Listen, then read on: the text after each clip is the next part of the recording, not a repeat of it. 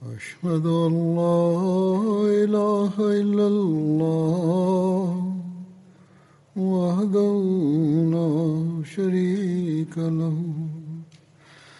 وأشهد أن محمدا عبده ورسوله. أما بعد فأعوذ بالله من الشيطان الرجيم. بسم الله الرحمن الرحيم. الحمد لله رب العالمين. الرحمن الرحيم. مالك يوم الدين. إياك نعبد وإياك المستقيم. اهدنا الصراط المستقيم. صراط الذين أنعمت عليهم. غير المغضوب عليهم بسم الله الرحمن الرحيم حضرت خليفة المسيح على بودين يقول بمعاك رَكَوْا Ranije sam govorio o ekspedicijama i pobjedama i borbama koje su se desile u toku hilafeta Osmana radi Allahu Anhu i nastavit ću da govorim o njima danas. Ali bin Muhammed Mad, Mad, Madjani prenosi da je Tabristan bio osvojen u vrijeme Hazreti Osmana radijallahu anhu u 30. poslije Hidžre pod komandom Sejd bin Ausa radijallahu anhu prenosi da je borba od početa i da su um, tu tvrđavu od nevjernika muslimani preuzeli. Onda u 31. godini poslije Hidžre, Hidžre borba Savari se desila. Mnoge historijske knjige ne spominju mjesto. Alama ibn Huldun Eh, spominje da je ova bitka bila u Aleksandriji. Prema jednom hadisu musmani su se borili protiv Bizantijaca i ova se bitka zvala Savari i ona se desila u 31. poslije Hidžre. Ebu Bahšri prenosi da se bitka Savari desila u 34. poslije Hidžre, a a, a Sabida borba se desila u 31. poslije Hidžre, a prema drugom prenosiocu da su oba dvije ove borbe desile u 31. poslije Hidžre. Kad je Hazreti Abdullah bin Sad bin Abisar a, pobjedio Francuze u u Afriki i Bizantici su bili tad uzrujani i otišli su kod uh, Konstantina II. Posle ovoga su se pri, prijemila ta armija da se bore protiv muslimana i muslimani se nisu susreli sa takvom armijom od početka islama.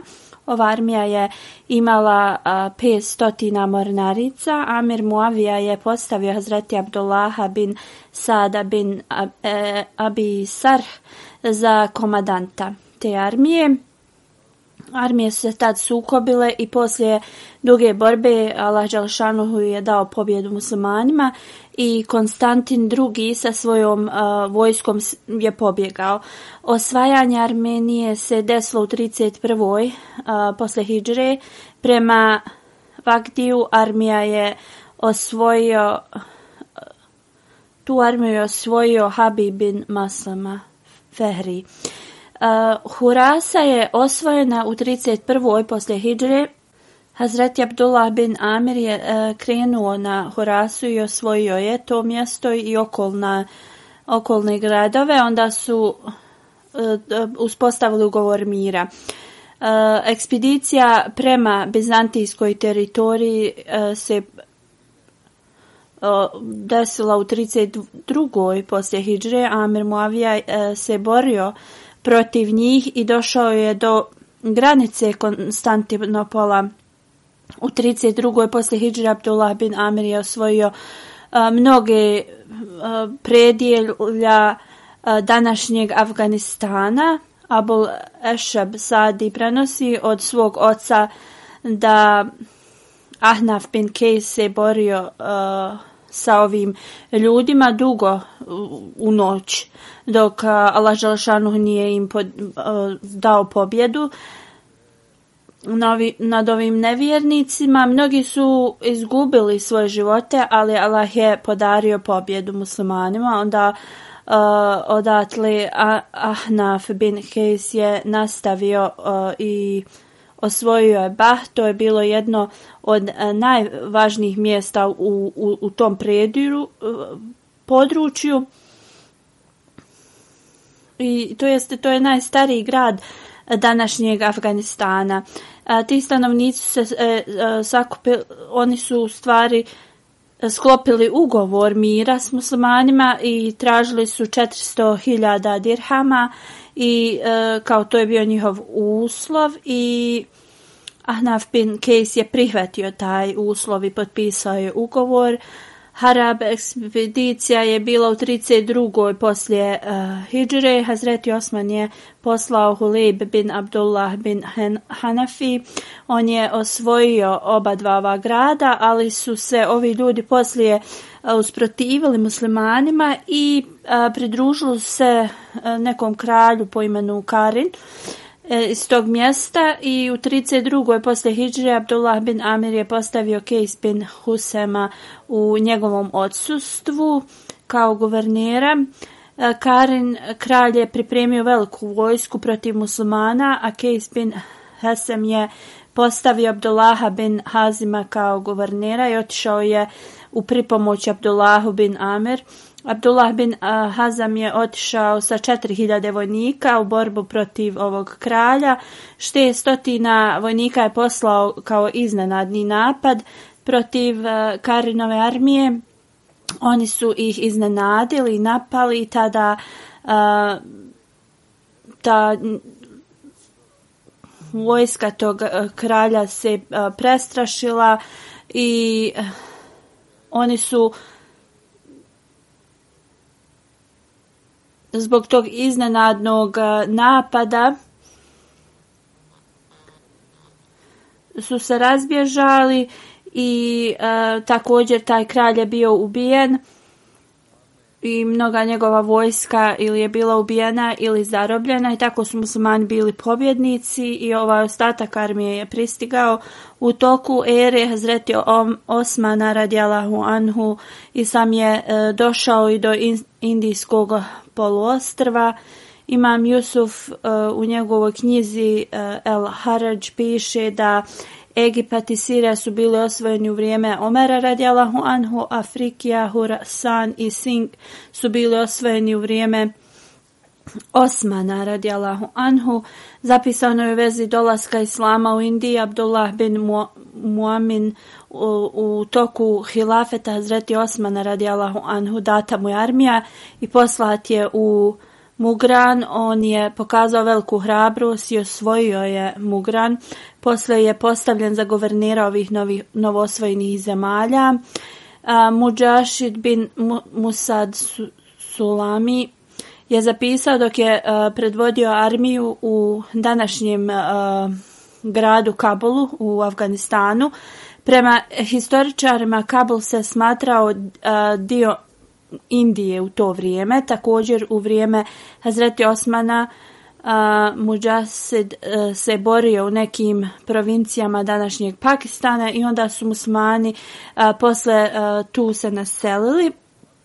U tim predjelima uh, postoje razna a, predskazanja od poslanika sallallahu alejhi ve sellem u vezi a, pobuna i nemira u toku hilafeta Hazreti Osmana radijallahu anhu. Hazreti Ajša radijallahu anha prenosi da je poslanik sallallahu alejhi ve sellem rekao O Osmane, moguće je da će Allah Đalašanuhu ti podariti mantil. Ako ljudi budu tražili da ga skineš, ne radi to. Ovaj hadis je iz te, e, Termizija. a u Sunan ibn Mađa se prenosi na e, sljedeći način. Hazret Aisha radijalahu anha prenosi da je časni poslanik sallallahu alaihi wasallam rekao o Osmane, ako ti Allah podari ovaj mantil, to jeste hilafet, a licemjeri budu željeli da ga sklone e, taj ogrtač koji ti Allah Đalešanhu e, dao, nikad ga ne skida. Časni poslanik je ovo ponovio tri puta.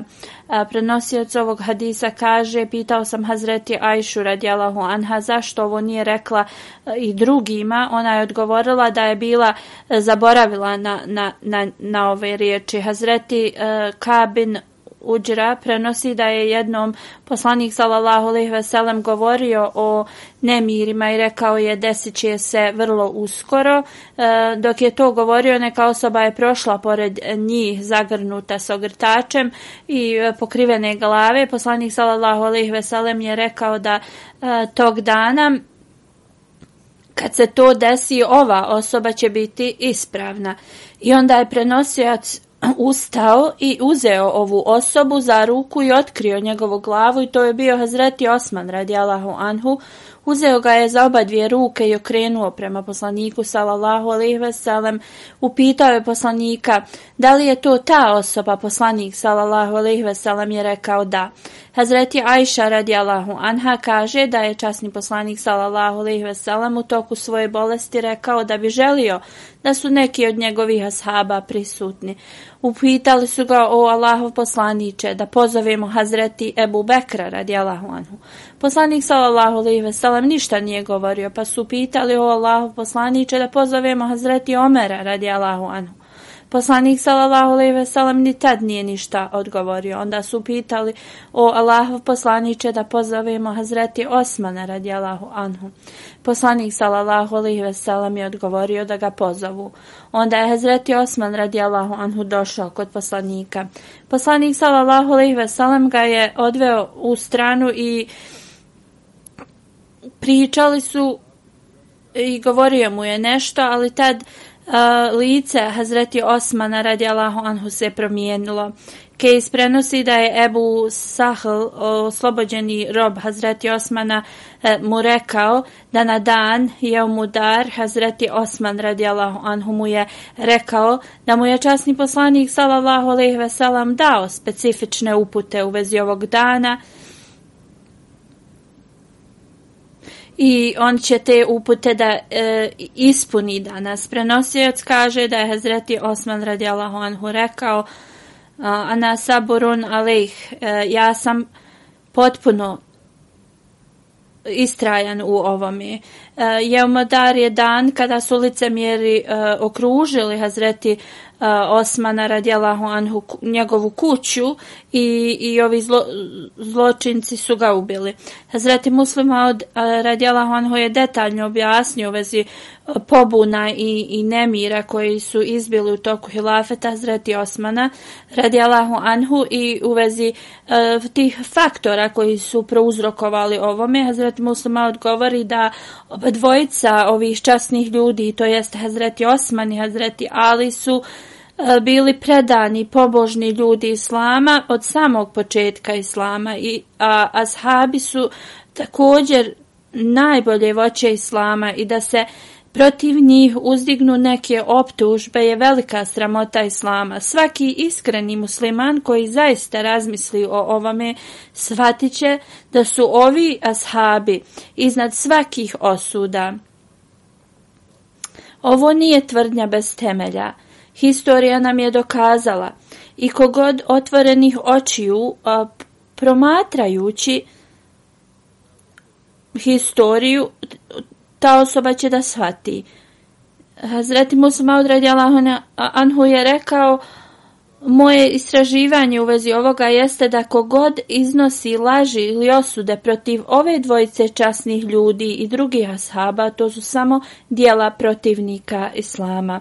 Posle smrti ashaba, takozvani muslimani su zbog svojih ega iznijeli razne optužbe protiv protiv ove dvojice časnih ljudi, kako god istina je uvijek bila na njihovoj strani i nikada nije ostala u tajnosti. Onda u vezi e, svega što se desilo e, u, u Hazreti Osmanu radijalahu anhu, Hazreti Muslimaud postavlja pitanje na to kako se ovo desilo. Oni, on kaže, neki govore da, su, da se to desilo zbog Hazreti Osmana radijalahu anhu, dok drugi govore da je to bilo zbog Hazreti Alija radijalahu anhu. Neki govore da je Hazreti Osman izmislio neke inovacije u islamu koji su koje su uzburkale ove stvari muslimane, dok drugi govore da je to Hazreti Ali u tajnosti radio protiv Hazreti Osmana, da bi on postao halifa i tako rezultat toga je, je bila smrt Hazreti Osmana. Hazreti Musliman radi Allahanhu kaže da oba dva razloga koji su navedeni su lažne. To jeste niti Osman radi Allahu Anhu uveo bilo kakve inovacije u vjeru, niti je Hazreti Ali imao šta, bilo šta sa smrti od Hazreti um, Osmana ili da je splekario sa licemjerima. Postoje drugi razlozi za ovo, oba dvojica njih su bili časni ljudi. Poslanik sallallahu alejhi ve sellem je rekao u vezi Hazreti Osmana da je on služio islamu na takav način da može da uradi šta god hoće, Allah kad neće pitati za to. Ovo je spomenuto u Sunan Termizi i ovo ne znači, Halifetul Mesih kaže da on na primjer, ostavi islam i da neće biti pitan za to. To je značilo da je on bio ta, u takom stepenu uh, vjere, do te mjere da za njega nije bilo moguće da radi greške za koje bi bio pitan. On nije bio čovjek koji bi mogao išta protiv šerijeta da uradi, niti je Hazreti Ali bi osoba koja bi u tajnosti splekt karila da bi on dobio eh, hilafet. Hazreti malo dalje govori, mi vidimo da prvi šest godina hilafeta Hazreti Osmana ne, ne postoje nemiri. Ljudi su bili generalno zadovoljni s njim. U, u historiji nalazimo da su mu se čak i divili. Uh, I da su ga uh, u tom periodu ljudi više... Uh, kao da je Hazreti Osman bio više draži ljudima nego Hazreti Omer. Ne samo da da im je bio drag, već e, kao kroz, možemo da vidimo kroz e, opis nekog pjesnika da, da su se divili njemu. E, ko, nekoliko stihova tog pjesnika je o pobunjenički narode, nemojte da uzimate prava i imovinu naroda u vrijeme Osmanove vladavine, jer Ibn Afan je, je taj koji upravlja prema kuranskim naređenjima i otklanja one koji su protivni. On je uvijek bio čuvar kuranskih naređenja i on je taj koji uči ljude ovim kuranskim naređenjima. Kako god u sedmoj godini njegovog hilafeta vidimo kampanje ne direktno protiv njega, ali E, protiv nekih ashaba i guvernera, Tabari spominje da je Hazreti Osman detaljno se brinuo za sva prava ljudi kako god oni ljudi koji nisu bili pripadnici islama na početku, oni nisu bili um, zadovoljni i nisu bili zadovoljni s time što im se nije davala ta neka istaknuta čast kao uh, ashabima uh, poslanika sallallahu alejhi ve sellem ili E, nisu dobivali isti uh, isto uh, bogatstvo kao raniti ashabi. I posle nekog vremena ovi ljudi su kao ta superiornost tih ranijih ashaba, a, a, to im je smetalo i oni su to kritikovali kao da je to nepravda prema njima bila. Kako god oni se bojali muslimana i da će ih e, muslimani kao protiv njih se okrenuti, pa oni nisu to odmah govorili. Ali oni su to, znači, u tajnosti su ljude a, okretali protiv a, ashaba. I kada su, kad bi dolazili, na primjer, a, neki muslimanima koji nisu baš bili toliko a, nadareni znanjem ili, na primjer, neki ti beduini, oni bi se kao njima žalili na muslimane i tako neki su im se pridruživali iz, da li iz neznanja ili, ili njihove pohlepe za, za nekim uh, pozicijama. I onda su oni počeli da šire ta grupa licemjera. Hazreti muslima od radjala Honhu dalje govori da kada je e, nemir se po, po, povećao i onda, na primjer, ovi koji su bili ljubomorni, azhabe, počeli su da, da raste njihov broj. A onda isto također šta se je desilo, e, na primjer kad neko pređe na novu vjeru, na islam, a, osobe imaju što više da, da želju da uče, da, da praktikuju islam, ali tada se počelo to jednostavno zbog tih licemjera da se spušta ta, ta želja za učenje. Niti je tada poslanik sallallahu alejhi ve sellem bio e, među njima niti su oni e, provodili vrijeme sa onim ljudima e, koji su bili uz časom poslanika, to jest e, poslanikovim ashabima. I oni su bili tog mišljenja ako su prihvatili islam kao oni sve znaju. I onda su oni jednostavno udaljavali od islamskog učenja i vraćali se svojim starim praktika, praksama i, i počeli su da rade grijehe. I kada bi, na primjer, bili kažnjeni za te svoja loša djela, eh, neke eh, prekršaje, onda bi umjesto da se reformiš, on bi se jednostavno okretali protiv tih koji su a, bili, na primjer, zaduženi da, da, da izvršavaju kazne. I onda ti, ti su ljudi jednostavno bili glavni koji su a, započeli te, te nemire i, i jednostavno a, rasulo u, u, u islamu. Humran ibn Aban e, je oženio neku ženu dok je ona bila još u vremenu e, i ideta čekanja e, ta četiri mjeseca i deset dana. I kada je Hazreti Osman radijala Honhu saznao u vezi ovoga, i onda bio je nezadovoljan ovim i donesena je odluka da, da se njih dvoje trebaju da razdvoje i on, on je također morao da napusti Medinu. I ovo možemo e, da vidimo kako neki ljudi samo prihvaćanjem islama su ima, bili mišljenja kao da, da su oni uh, učenjaci u islamu. Znači njima nije bilo potrebno da istraže pravila islama. I radi tog nekog svog e, drugačijeg svatanja njima je bilo kao u smislu nepotrebno da, da ili uh, gledali su nisko da, da prate šerijat. Hazreti Musa malo dalje e, govori da tadi neki uh, jevreji su također uh, radili sa, sa ovim uh, muslimanima koji su više se jednostavno davali ovo svjetskim uh, potrebama nego svojoj vjeri. I znači problem nije bio u guvernerima i njihovu načinu njihove uprave, već je e, to bio jedan e, pakt između e, nekih jevreja i muslimana tad ali guverneri koje je postavio Hazreti Osman, oni uopšte nisu bili e, problem toga, oni su izvršavali svoj, e, svoje dužnosti e, prema propisima. Hazreti Muslima dalje e, kaže E, kaže da je njihova jedna greška tih guvernera bila što je Hazreti Osman e, postavio, to jeste tom narodu je to tako izgledalo, a greška Hazreti Osmana radjela Huanhu je bila zato što se on držao e, čvrsto užeta Islama. Iako je on bio već starija osoba i, i, i oslabio on je nosio e, taj teret muslimanskog umeta na svojim ramenima i, i trudio se da uspostavi islamski šerijet. I nije dozvolio onim e, e, tim pobunjenicima da jednostavno e, rade protiv ljudi koji su bili nemo, nemoćni ili siromašni.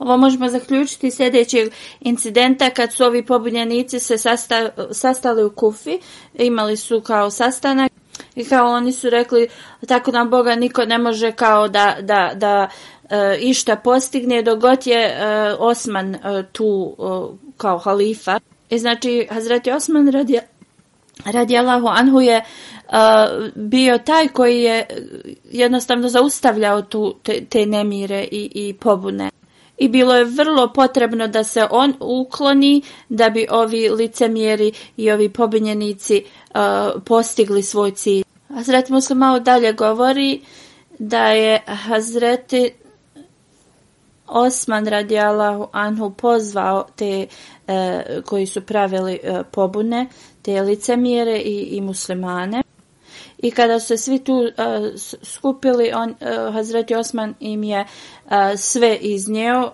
detalje onda od koga je dobio te informacije također su e, ti ljudi posvjedočili protiv ovih e, pobunjenika. Svi ashabi su tad e, zajedno donijeli odluku i rekli da ovi licemjeri, ovi pobunjenici koji e, prave e, pobunu i nered u, u, u islamu, a kriju se iza toga da oni žele da postignu mir, trebaju da budu e, pogubljeni.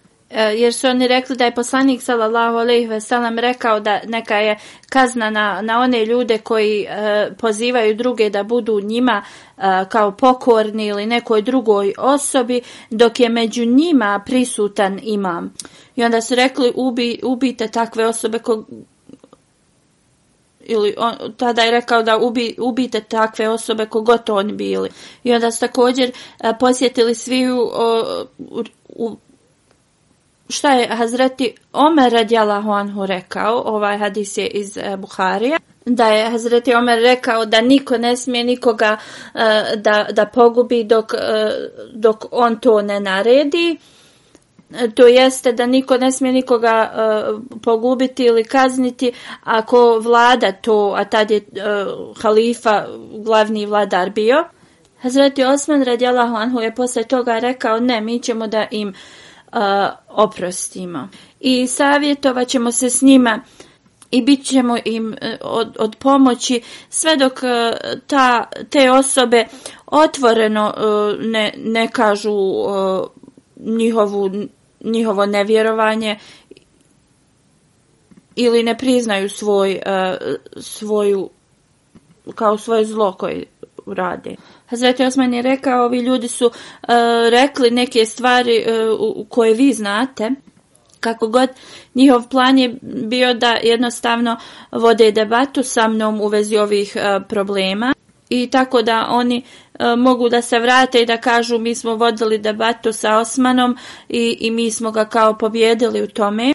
Ovi ljudi su rekli kao, uh, Hazreti Osman je rekao da dok sam ja putovao, da sam klanjao uh, komp kompletan namaz, dok poslanik sallallahu alejhi ve sellem kad bi god putovao, on bi skraćivao on, ili klanjao bi kaser skraćeni namaz, ali ja sam samo na mina klanjao uh, namaz uh, cijeli namaz, ali i to sam uradio zbog dva razloga. Prvi razlog je zato što ja imam uh, svoju imovinu tu i ja sam oženjen od, od iz mine. A drugo, tada su ljudi dolazili za hađ i uh, on je se bojao da ljudi koji nisu imali dovoljno islamskog znanja ili nešto mogu biti svjedoci da halifa samo klanja dva rekata i da oni to usvoje kao praksu. I onda je Zreti Osman radijalahu anhu reka, e, pitao ashabe da, zar ovo nije ispravno? I oni su rekli da, to je ispravan postupak. Onda je Hazreti Osman rekao još e, jedna laž protiv mene koja je iznesena jeste da, e, da je on započeo te neke javne pašnjake. E, rekao je ja trenutno imam samo dvije kamile koje sam ostavio da mogu da idem na hađ. A kada prije nego što sam postao halifa ja sam bio najbogatiji čovjek u Arabiji. Onda treći je naveo da protiv njega e, je kao e, se optužba iznosi da on e, postavlja mlade guvernere. E, on je rekao ja samo postavljam e, ljude koji su vrlo pobožni, ispravni, ravnopravni. I on kaže časni ljudi prije mene su postavljali još mlađe te guvernere na te neke pozicije. I također poslanik sallallahu alejhi ve sellem je e, postavio Usama bin Zaid za komandanta armije i tad su se kao protiv toga imala mišljenja i onda je pitao ashabe zar to nije istina i ashabi su rekli da istina je Zrati Osman je rekao, ovi ljudi iznose, te, iznose e, ovakve optužbe, ali kriju e, istinitost i, i kriju prave razloge. I na ovakav način Hazreti Osman je e, stavio sve optužbe pred sve ljude i onda ih je jednu po jednu e, jednostavno objasnio. Hazreti e, ne, ovi ashabi su tad e, govorili Hazreti Osmanu da, da ovi licemjeri koji su digli ove optužbe trebaju da budu e, kažnjeni i smrtnom kaz, kaznom, ali Hazreti Osman je rekao ne, mi ćemo da ih pustimo.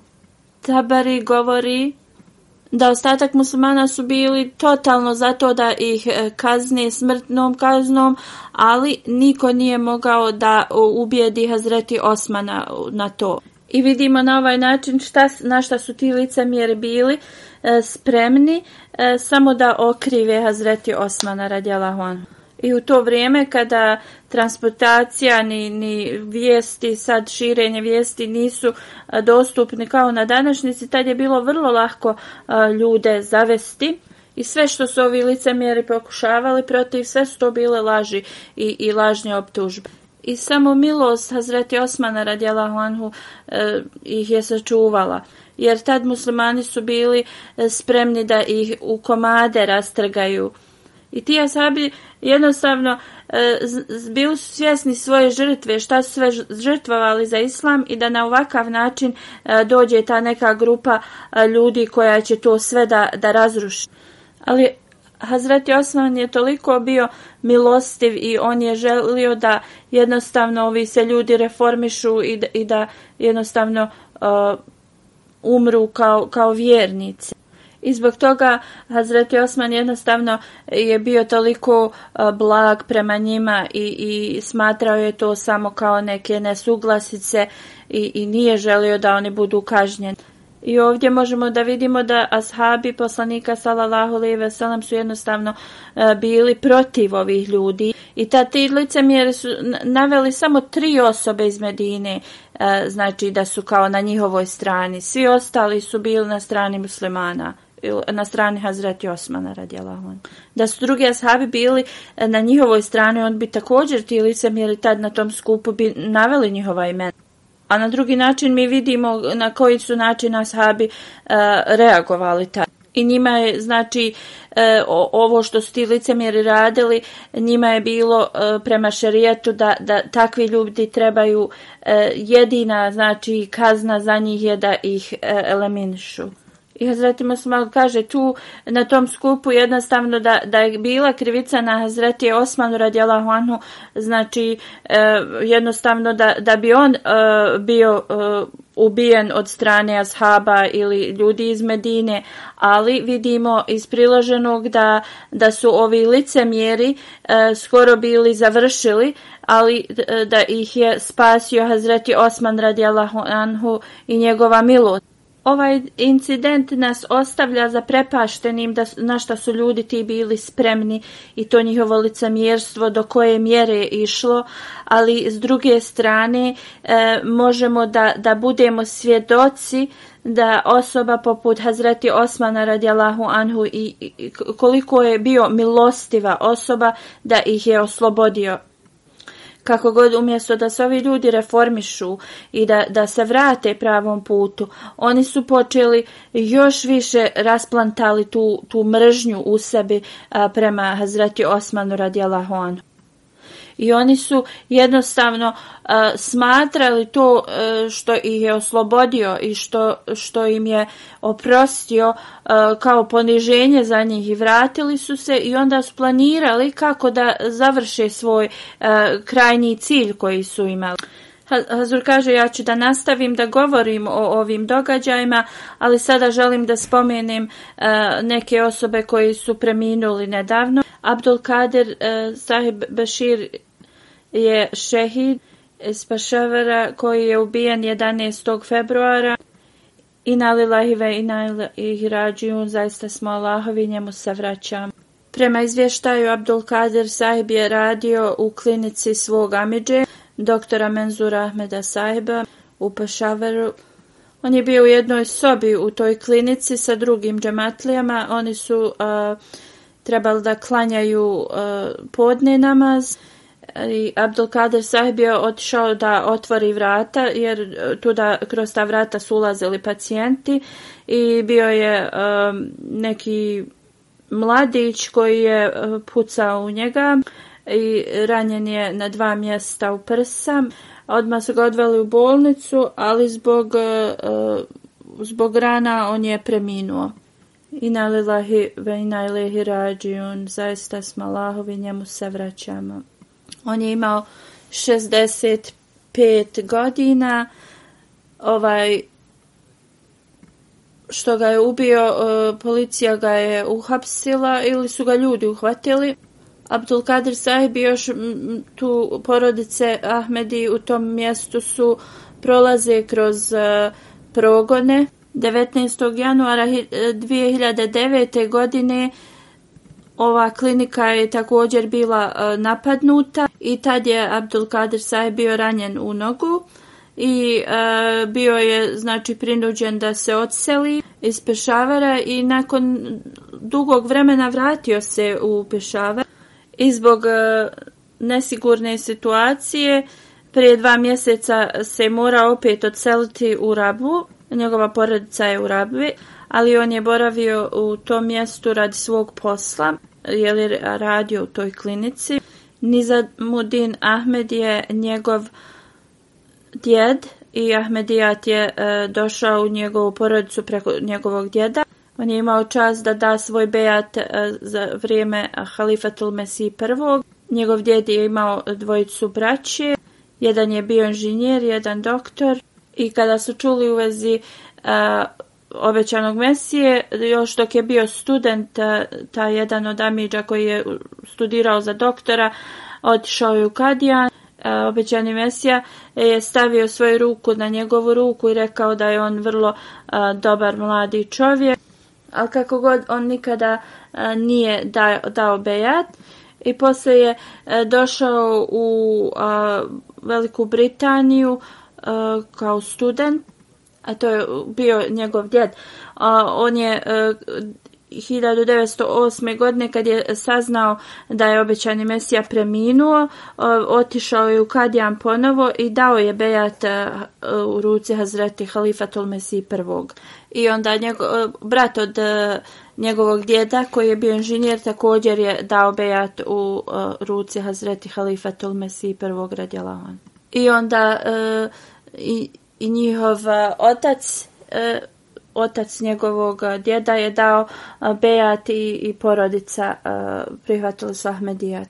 Imao je mnogo kvaliteta, uvijek je e, bio pažljiv prema e, članovima odbora u džamatu, također veliku vezu i, i, i poštovanje prema hilafetu. On je imao veliku žar da poziva ljude eh, na, na, u Allahov vjeru, E, i zbog ovoga jednostavno je prolazio kroz mnoge poteškoće i zbog ovoga e, u zadnje dvije godine sedam puta se je morao seliti, ali on je uvijek ostao e, čvrst u Ahmedijatu. Osim tahadžud namaza i, i regularnih obaveznih namaza, e, učio je redovno časni Kur'an volio je mnogo da se druži i bio je vrlo saosjećajna osoba i nikad u svom životu se nije posvađao ni s kim. E, njegova supruga kaže, prolazili smo u životu kroz e, uspone i padove, ali nikada nije pokazao nikakvu agresivnost.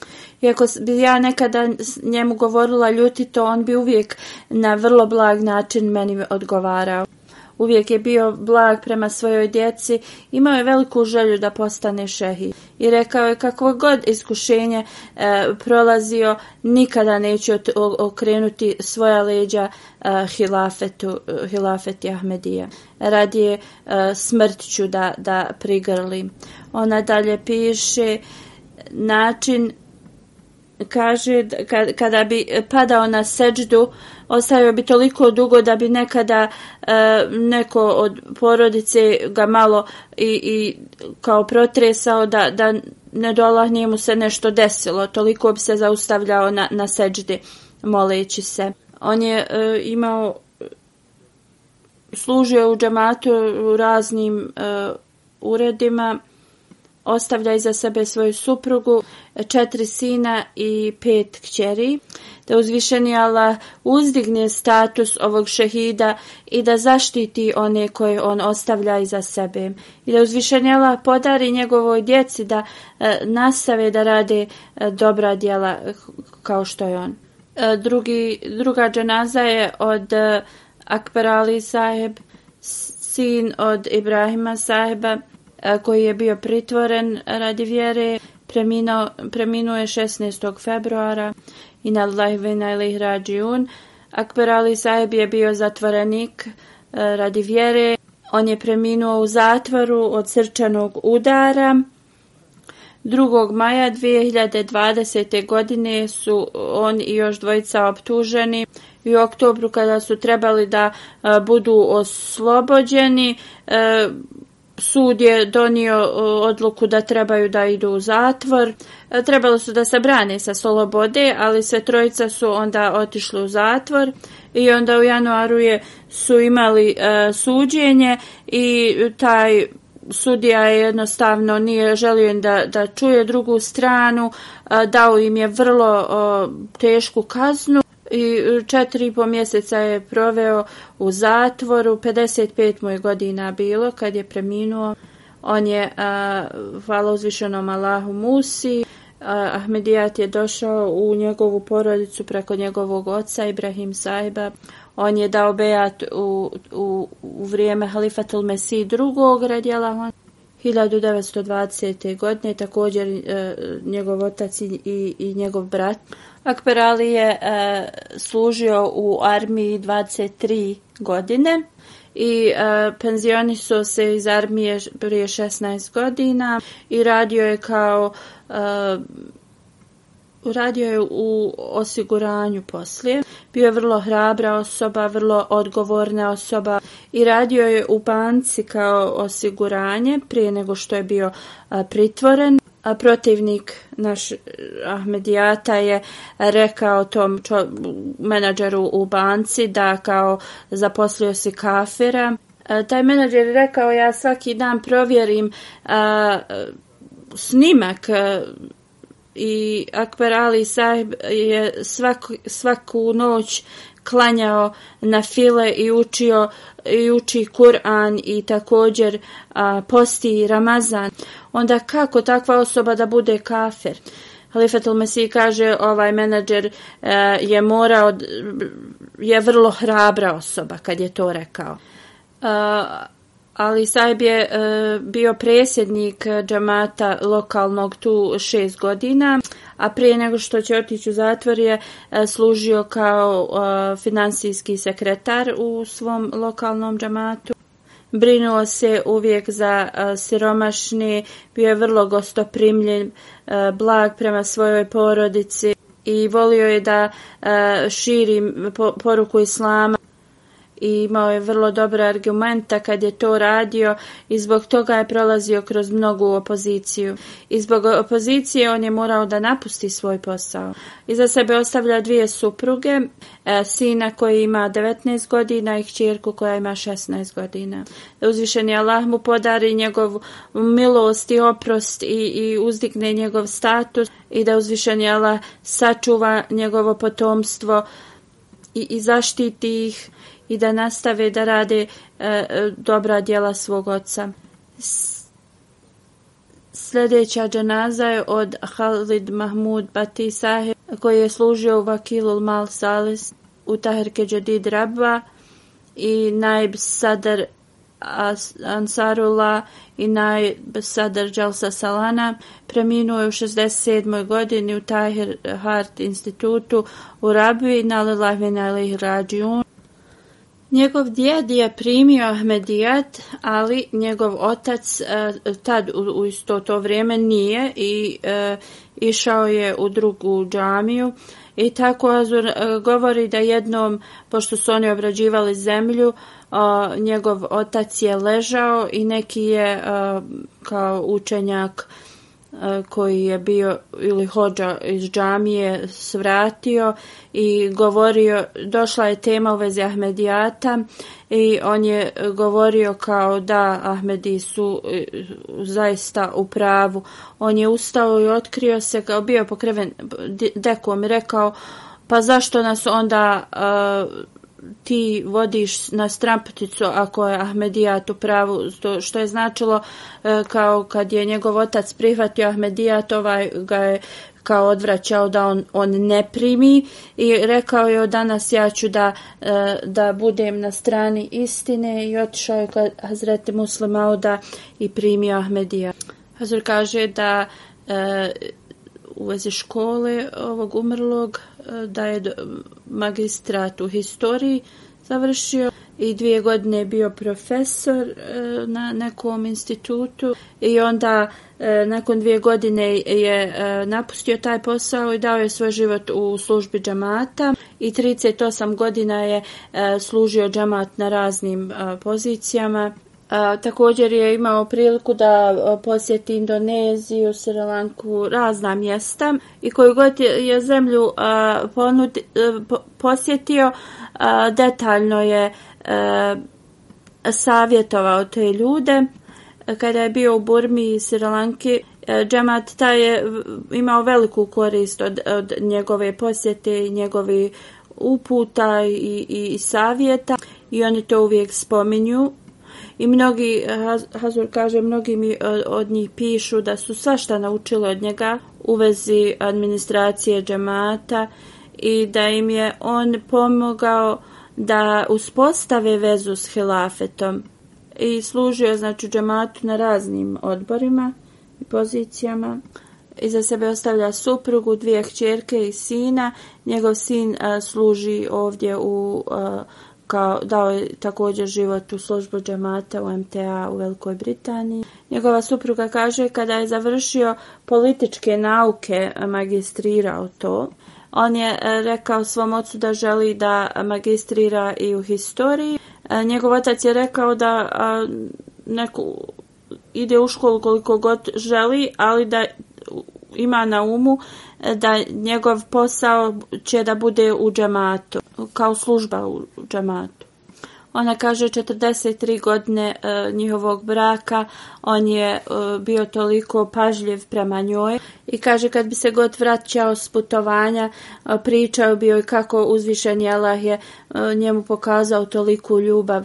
On je bio vrlo uh, nježan otac i ispunjavao bi sve uh, ž, halal želje svoje, svoje djece, šta bi god on mo, bio u mogućnosti.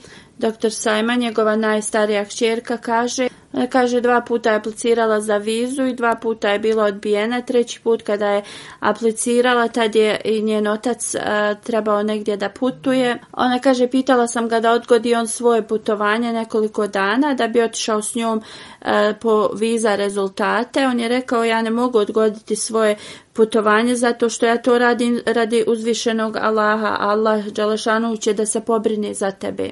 I ona kaže, tada je moja viza bila odobranja, odobrana. Njegova mlađa kćerka kaže da je on bio toliko dobar otac, uvijek nas je savjetovao dobro, uvijek je uh, radio džematske službe i to je bilo bio njegov prioritet. On bi uvijek završavao svoj džematski posao pa bi onda dolazio kući imao je veliku ljubav prema džamatu i službi i svoju vjeru bi uvijek stavljao na prvo mjesto i službu prema vjeri i uvijek bi služio sa velikom lojalnosti e, džemati. Rekao bi nam kad god e, prolazimo kroz poteškoće da stavimo e, svu vjeru u dragog Allaha i rekao je da Allah nikada neće da vas ostavi same i zaista to je, e, to je tako i bilo. Njegov sin piše da, od kako se sjećam svog oca, uvijek je bio u nekoj službi u džamatu i kaže kad bi god prolazili kroz teške e, trenutke, on bi nama govorio da zbog toga što on služi uzvišenog gospodara da će Allah da pošalje pomoć i zaista tako je se uvijek i dešavalo.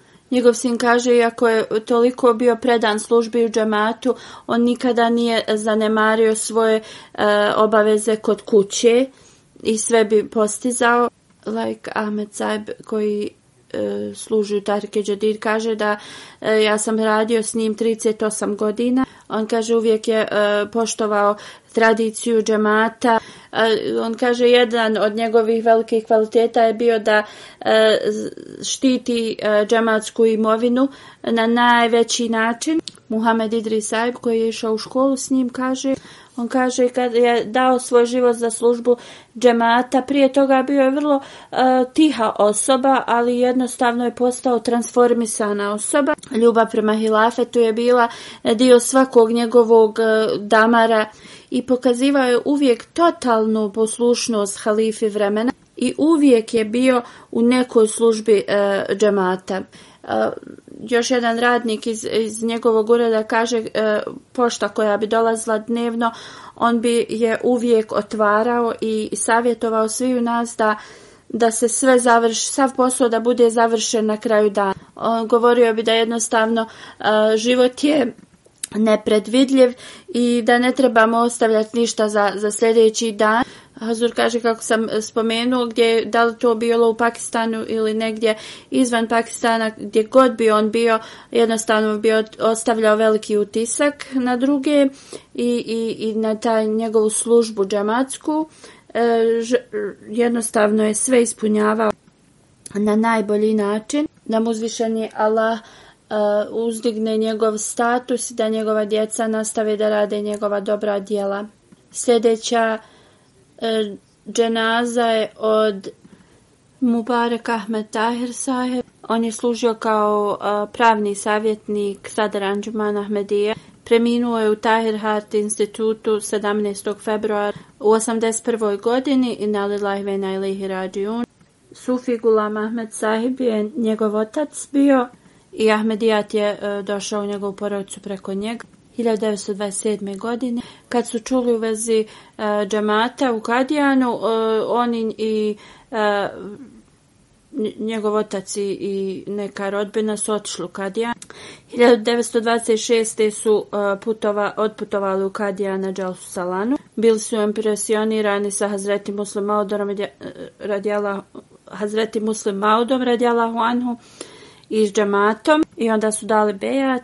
E, izvinjavam se, nisu dali bejat tad, ali je on e, odlučio sljedeće godine opet da ode u Kadijan, ali nje, njegova uh, e, ro, ti rođaci nisu išli. I sljedeće godine, e, uh, 1927. kada je bio na Dželsi, dao je bejat, imao je 28 godina. Uh, Ehli Hadis, uh, pravac u islamu, uh, je bio u tom njegovom selu i on je prolazio kroz mno, ogromnu opoziciju od tih muslimana, a, a također a, roditelji od njegove a, supruge su rekli da je on postao nevjernik i a, pozvali su je a, nazad u njihovu kuću.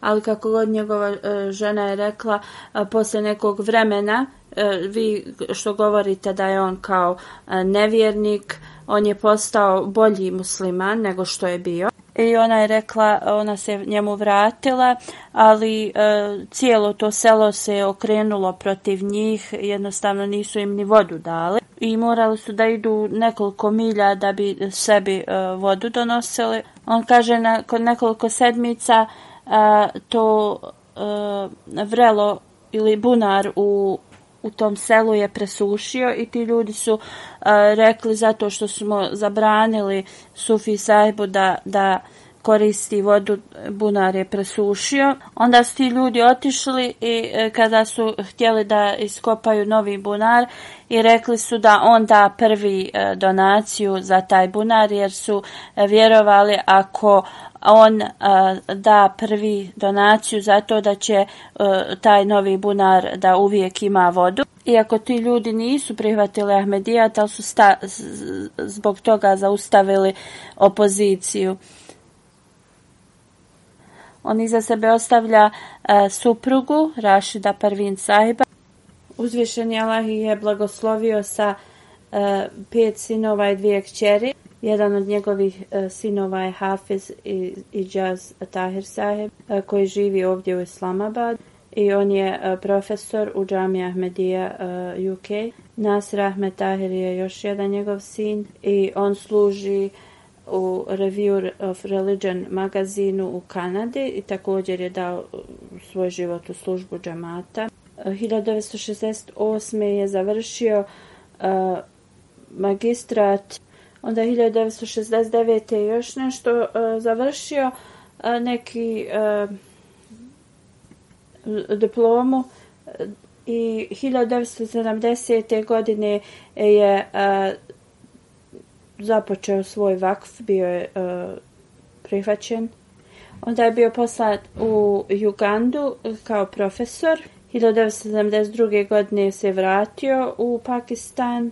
1976. Hazreti Halifatul Mesih III. Rahimullah e, ga je poslao u Lahor da, e, da steknu tren, obuku u vezi e, poreza i nekih i onda 1978. je bio e, stavljen postavljen za pravnog savjetnika.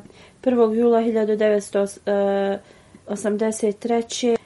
Halifat al-Mesih IV. Rahmullah ga je postavio e, kao e, pravnog savjetnika za Sadr Anđuman i tu je služio do svoje smrti. Njegova služba džamatu je preko 50 godina. Njegova supruga kaže uvijek bi ulazio u kuću s osmijehom na licu. Nazivao bi nam selam, klanjao bi namaz i onda bi jeo. Imao je toliko uh, priča u vezi sastanaka sa halifama i uvijek bi to rado o, o, o njima e, govorio o tim trenucima. I ne kaže uvijek bi im govorio o blagoslovima i, i, i dobroti to, toga uh, da, da, osta, da kad neko ima uh, jaku vezu sa hilafetom tajno bi pomagao onima koji su kojima je pomoć potrebna uh, da, da ni mi ne bi znali. I jedino bi to saznali ako osoba kojim, kojoj je on pomagao bi dolazila kod nas i, i govorila nam u vezi toga. Dijelio bi radosne trenutke, trenutke s drugima i također tužne i klanjao bi na file, učio bi Kur'an, salavate, Govorio bi da uzvišeni Allah se pobrine za uspjeh onih koji daju svoj život u službi džamat i da osobe mora imati potpunu vjeru i, i povjerenje u, u, u uzvišenog Allaha i da uvijek traže oprost i da razviju veliku a, ljubav prema hilafetu. I vrlo je važno, govorio je da se piše halifi za molitve. Halifat al-Mesih kaže zaista ovo je sve e, istina i on je imao veliku vjeru u dragog Allaha. I kaže ja kad sam bio nazirala u Pakistanu vidio sam sve ovo. Vidio sam da, da je imao veliku vjeru u, u, u, u dragog Allaha.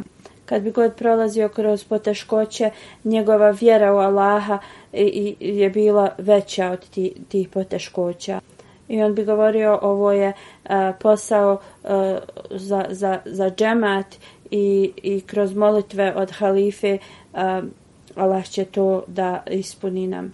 On bi uvijek prvo obavljao namaz, davao sadaku, pa bi onda započinjao posao.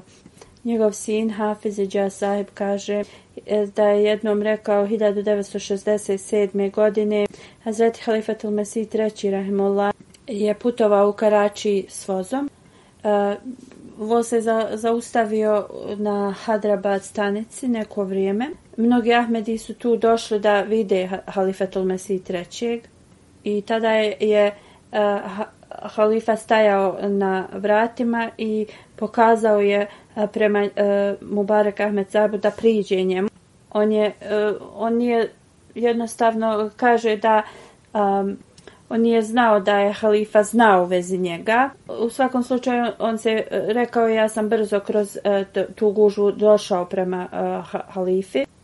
On kaže da je tada halifa stavio svoju ruku u, u svoj uh, mantil i izvadio je neke pare i stavio u džep uh, njegovog oca I, i tada je voz otišao on kaže moj otac je uvijek govorio da kroz taj blagoslov uh, moj, moj uh, džepovi su uvijek a, bili puni novca i ovo je tako bilo da a, uvijek bi jednostavno dobivao novac kroz, kroz razni način, neočekivani način. Ali na isti način e, ko što je on to dobivao, on bi također dijelio uh, za, za siromašni ili u džamatu za što bi trebao. A poslije nekog vremena sanjao je nešto i odlučio je da da svoj život u službi džamata. On kaže tad je već bio ugovoren njegov brak i, i održao se nika, ali nisu, nisu živjeli tad još zajedno i njegova e, ta, ta supruga uh, je došla u Hedrabad i e, neko od njene porodice je rekao kao da je ona čula e, da je on dao svoj život u službi džemata i da su oni kao saznali da ovi koji daju život u službi džemata nemaju dovoljno ni da jedu. On je bio puno nezadovoljan tim što je čuo i rekao pa mi smo samo kao bi samo su imali nika i da oni još nisu počeli da žive zajedno, ako je ona toliko nezadovoljna, ako su oni toliko nezadovoljni, da oni mogu da prekinu to. Na ovaj način on je održao čast tog svoga vakfa e, i, i, džemata također, ali na isti način uzvišeni Allah je uvijek e, njemu e, na, na razne načine e, davao imovinu. On je bio pravni savjetnik u toku vremena Halifatul Mesih III i morao je puno da putuje izvan grada i putovao je autobusom jer nisu, mnogi nisu imali u rabve auta. Hazreti Halifatul Mesih da kad se on god vrati s putovanja da dođe i da se sastane sa Halifatul Masih. On kaže jednom sam došao tako kasno, nekoliko sati prije e, sabah namaza i jednostavno nisam e, mislio da, da trebam da, da se javim Halifatul Mesihu, da ga ne bi uznemiravao u to doba i da će mu se javiti na sabah namazu. E, tada e, kad ga je vidio Halifatul Mesih treći e, na sabah namazu, pitao ga je kada si se vratio, rekao je prije nekoliko sati. Halifatul Mesih mu je rekao da si došao i da, mi, da si mi se javio, možda bi ja zaspao nekoliko sati prije sabaha. Ja sam se brinuo i čekao te da se vratiš. Njegov sin piše kada sam ja odlučio da a, krenem u džamija Ahmedija i da dam svoj život u službi džamata, moj otac mi je rekao dati život u službi džamata e, znači potpuna poslušnost. A, ti imaš malo a, brz temperament, a to nije a, baš za a, prilično za, za ovakve za ljude koji daju a, život u službu džamata. E, da daš svoj život u službu džamata, to znači služba e, s potpunom poslušnošću. Ako si ti u stanju to da uradiš, onda sam ja presretan. Ali ja ne želim da ti, ako, ako nije to slučaj, da ti daš svoj život i posle da napustiš uh, službu. I ovo je bila njegova uputa koju je dao svom sinu. Hvala uzvišenom Allahu, do sad njegov sin ispunjava uh, ovo i da nastavi da Allah Đalešanu da, da, da ga pomogne da nastavi da ispunjava svoj uh, ovu svoju dužnost. Uh, on bi uvijek savjetovao što god njegovi ukućani rade kada hudba počinje od halifatu Mesih da se sve ostavi i sluša. Ako ikakve instrukcije i kakvo finansijsko žrtvovanje u hudbi je spomenuto, on bi to odmah počeo čim se hudba završi da ispunjava i druge svoju djecu bi također savjetovao da to urade. Mirza Adil Ahmed, e, njegov asistent u, pravnom e, uredu, on kaže koliko sam ja mogao vidjeti, on iskreno je volio hilafet. Imao je veliku e, vjeru u, u, u dove, u molitve i kad bi god ne, neš, nešto iskrsnulo što je teško, on kaže ja sam puno se molio u svojim nafilama, e, dao sam sadaku, e, napisat ćemo pismo e, halifi za, za molitve i onda ćemo da radimo svoj posao. On kaže on je bio veliki čovjek velike časti, ali uvijek je pokušavao da ima e, dobar e, konekcije i veze sa, sa, e, sa svima. A jednom Anđuman je donio neku odluku i on je bio mišljenja ako se to uradi, onda će biti, neće biti dobro e, za džemat i on kaže e, da, da je mu je rekao da pisat ćemo halifi i šta god halifa odluči on mimo, bit će puno, to će biti puno od blagoslova u, u toj odluci. Doktor Sultan Mubešir e, kaže e, da je on znao kako da uspostavi vezu sa ovim e, koji su bili u u vladi službenicima i te su konekcije samo bile za koris džamat. I u svakoj situaciji on je uvijek održavao osmijeh na svom licu. I nikada nije e, pokazivao zabrinutost.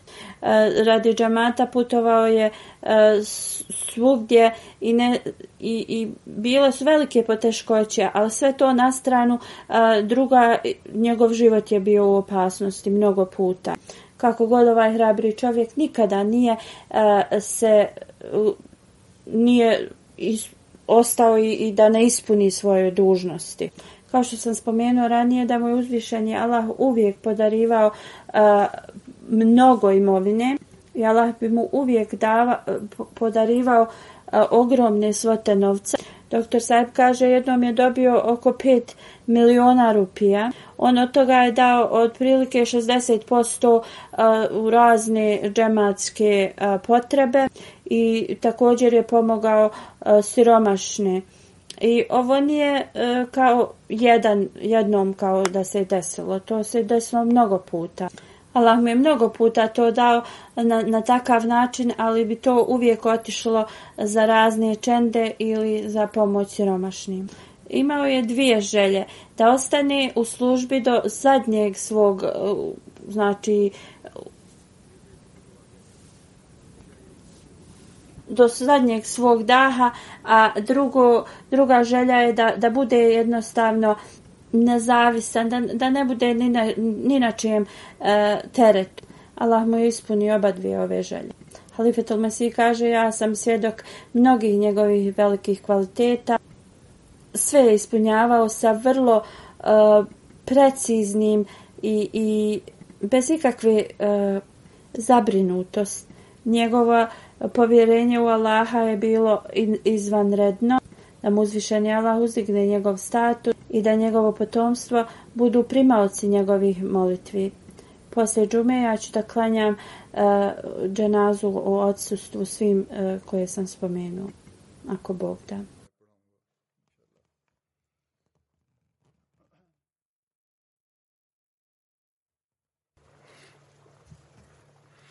الحمد لله الحمد لله نعمده ونستعينه ونستغفره ونؤمن به ونتوكل عليه ونعوذ بالله من شرور انفسنا ومن سيئات اعمالنا من يهده الله فلا مضل له ومن يضلل فلا هادي له. ونشهد أن لا إله إلا الله. ونشهد أن محمدا عبده ورسوله. عباد الله رحمكم الله. إن الله يأمر بالعدل واللسان وإيتاء ذي القربى. وينهى عن الفحشاء والمنكر والبغي يعظكم لعلكم تذكرون.